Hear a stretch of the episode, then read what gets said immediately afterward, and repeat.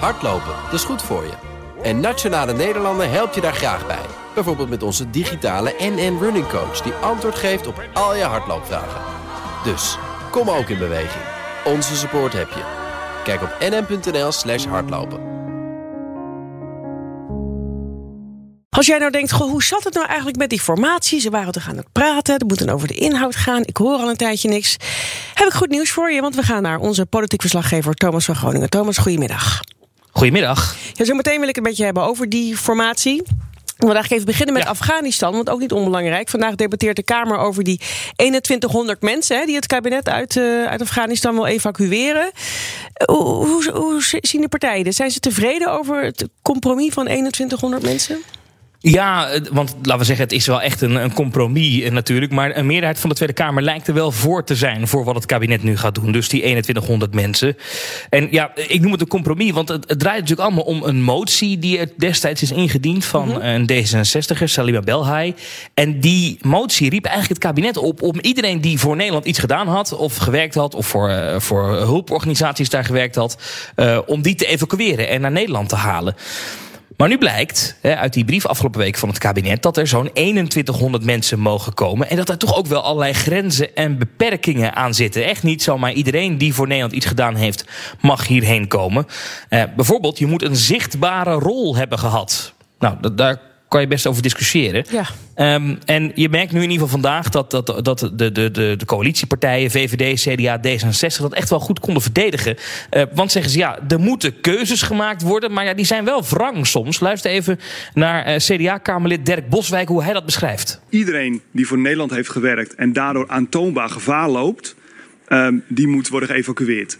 Um, en aantoonbaar zie ik mensen die zichtbaar hebben rondgelopen en daardoor nu uh, uh, aantoonbaar gevaar lopen. Daar heb ik ook heel veel contact gehad met NGO's. Van hoe denken jullie daarover? Um, ja, en dan loopt, met alle respect, maar dan loopt een loodgieter. Um, ja, toch wel iets minder gevaar als een vrouwenrechtadvocaat die, of een vrouwenrechtenactivist die voor een klas heeft gestaan en openbaar daar ja, toch andere normen en waarden als de normen en waarden van de Taliban heeft uh, gepropageerd. Ja, dus een, een, een loodgieter niet, maar een, een activist of een docent wel. De oppositie, daar niet blij mee? Nou, bij de linker oppositie, eh, linkse oppositie merk je daar toch wel veel vragen over. Uh, de Partij van de Arbeid zegt bijvoorbeeld wel tevreden te zijn met dat er in ieder geval iets gebeurt. Maar is hier toch wel kritisch over. En vooral de SP, ja, die neemt het regeringspartijen toch wel echt kwalijk dat ze die motie die toen aangenomen is, nu ineens anders uitleggen. En uh, daar ontstond echt wel een beetje kift tussen de SP en D66 uh, over hoe dit nou uh, gegaan is. Van ja, u, u presenteert als een motie, Slim Belheim, waarin we zeggen we halen iedereen op. De SP steunt die dan. En dan nu legt een D66er ineens de inhoud van die motie anders uit. En het is natuurlijk een beetje Haagse krakeel. Maar in dit geval uh, ja, gaat het natuurlijk wel ergens over. Je stemt ergens voor. Maar dan blijkt ineens dat het toch allemaal iets genuanceerder lag. Ik stel voor, dit is wel een aardig momentje. Een beetje kift tussen de SP, Jasper van Dijk en Slimme Belhaai van D66. Luister. In de motie staan geen termijnen. In de motie staan geen criteria rondom welke functie je hebt uitgeoefend. Bijvoorbeeld een publieke zichtbare functie. Dat is ineens toegevoegd. De minister heeft zelf gezegd: iemand die aan de waterleiding heeft gewerkt, ja, die heeft nu eenmaal minder prioriteit dan iemand die voor mensenrechten heeft getroffen. Dat staat niet in uw motie. Uw motie is ineens afgebakend door het kabinet. De heer Boswijk was daar eigenlijk veel eerlijker over. Je moet nu eenmaal grenzen trekken. Maar u geeft dat dus niet eens toe. Laat ik het dan nog zorgvuldiger formuleren. Ik ben niet van de Taliban. Dat betekent dat ik niet degene ben die totale controle heeft, nog dat een kabinet dat kan, om te zeggen: uh, tuurlijk, alle mensen die onder de motie Belhai vallen, zegt de Taliban, hup naar Nederland. Dat is waar het over gaat. De motie is natuurlijk pas uiteindelijk helemaal afgerond als iedereen geëvacueerd heeft kunnen worden of dat mensen via een andere route alsnog naar Nederland kunnen komen. Tja. Um, en Thomas, uh, gisteren hadden we het nog over D66-leider Sigrid Kaag. Tot voor kort was ze nog minister op dit dossier. Tot ze aftrad, weten we ook. Um, ze had de Kamer verkeerd geïnformeerd. Over, het ging over het aantal van drie mensen... die eventueel geëvacueerd zouden mogen worden uit Afghanistan. Ging het daar in dit debat ook nog over?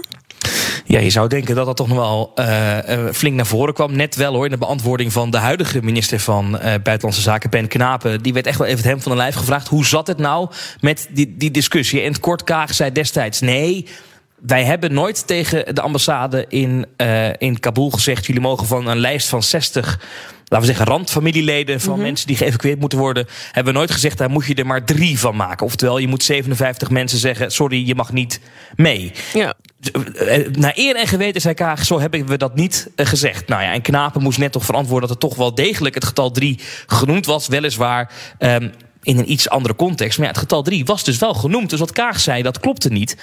En ja, kijk, wat er nu dus gebeurde. Kaag was er natuurlijk niet bij. En uh, er werd keihard uitgehaald door de PVV. Dat is natuurlijk wel vaker. Die halen vaker uit naar, naar Kaag. Maar nu was het Sietse, Fritsma, een Kamerlid van de PVV. Die zei, ja, maar nou, dit is het zoveelste keer dat, dat Kaag op deze manier in opspraak komt. Het is tijd dat ze haar biezen pakt. En dit moment, ja, dan valt toch wel de rol van D66 op. Weer die Salima Belhai. Die uh, Kaag dan toch ging verdedigen. Um, luister even, het is best een interessant stukje debat om naar te luisteren. Ze is als minister natuurlijk al weg, dus de Kamer kan niet meer veel doen. Maar de PVV wil toch gezegd hebben dat het de hoogste tijd is dat ze voor wat betreft de politiek haar biezen pakt, definitief. Uh, ik zie een interruptie. Volgens mij was mevrouw Belhaai. Ja. Eerst, ja, dan ga ik het woord geven mevrouw Belhaai. Voor ja, voorzitter. Het is natuurlijk heel normaal om met elkaar in debat te gaan. Het is uh, normaal om ook, uh, zou ik zeggen, elkaar aan te spreken als collega's. Maar ik vind het wel een, een vreemde zaak.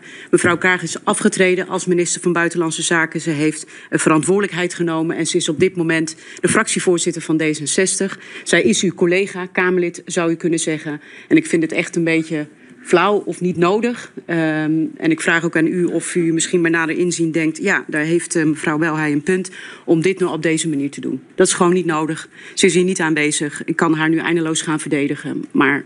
Wat zullen we nou krijgen? Mogen we als Kamer niet eens meer een punt maken... als we door een minister van Buitenlandse Zaken onjuist worden geïnformeerd? Dat is toch niet te geloven? Dat is, dat is juist heel erg relevant in dit debat. Ja, voorzitter, ik heb enige ervaring hoe prettig het is als ze over je praten zonder je. En dat is, uh, laat ik zo zeggen, geen feest. Er zijn meer dan genoeg vergaderingen waar Sigrid Kaag als Kamerlid uh, gewoon aanwezig is. En als je in debat wil gaan, dan lukt dat heel prima. Dan staat zij haar vrouwtje meer dan. Zo, ja, zeker. we nog even Pieter Omzicht uh, in de Zeker in interessant. maar goed, het is, ook, het is ook het is een, beetje, een beetje gek ook, toch? Om als Kamerlid te zeggen over een ander... je moet politiek definitief je biezenpas ja, pakken. Ze hadden natuurlijk ook helemaal niks meer, want ze, was, ze is al demissionair. En ook nog opgestapt als minister. Dat er bleef niet ja, zoveel maar, meer Kijk, Celia Bel, hij zei ja, ze heeft haar verantwoordelijkheid genomen... en is afgetreden. Ja. dat is natuurlijk wel zo. Alleen het feit dat ze de Kamer verkeerd had geïnformeerd... dat werd pas bekend nadat ze Tuurlijk. al was afgetreden. Alleen ja, hij had uh, niks meer natuurlijk, deze PVV'er. Nee. Dus hij moest wat. Maar uh, goed, interessant zeker. Interessant stukje. Maar toch nog heel even, oh, Thomas, heel kort. Uh, wat kan de Kamer dan nog doen om uh, Kaag te verantwoording te roepen? Niks, toch? Nee, eigenlijk niks. Dat is het gekke. Het ministerie van Verantwoordelijkheid. Dus nu is iemand anders daarvoor verantwoordelijk voor het feit dat mevrouw Kaag destijds de Kamer verkeerd heeft geïnformeerd. Het is nu dus uh, de nieuwe uh, demissionair minister van Buitenlandse Zaken, Ben Knapen. Ja, die wordt daar niet voor weggestuurd. Dat, dat uh, verwacht ik niet. Morgen gaat het debat overigens verder, want we zijn uit de tijd. Ah, nou dan wil ik heel graag naar die formatie. Want ja, hoe zit het er nou mee? We vragen het ons allemaal af, ook hier op de redactie. Nou, gelukkig hebben we jou in Den Haag. Uh, wat hoor jij in de wandelgangen? bij de partijen. Nou ja, het is natuurlijk zo dat, uh, dat deze vraag krijg je als politiek verslaggever en als politicus uh, zo'n 5000 keer per dag. Ik vond het heel aardig om gisteren was ik in het Kamergebouw en stond ik bij de lift te wachten. En dan kwamen één voor één kwamen de onderhandelaars binnen. Dus eerst kwam Gertjan Segers voorbij, toen kwam Rob Jetten voorbij.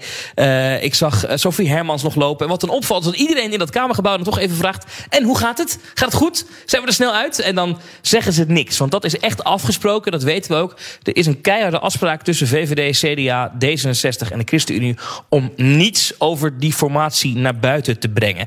Dat heeft ermee te maken dat ze natuurlijk de afgelopen weken uh, ja, al die verhalen over die spin natuurlijk nog uh, vanwege Remkes. Mm Ze willen gewoon niet dat er via de achterkant uh, via de pers alsnog mee onderhandeld wordt. onderhandelen doe je binnen en niet buiten. Maar wat we wel horen is dat op dit moment het gesprek uh, vooral gaat over de onderwerpen die niet afgetikt gaan worden in dat beknopte regeerakkoord dat oh, geschreven ja. wordt.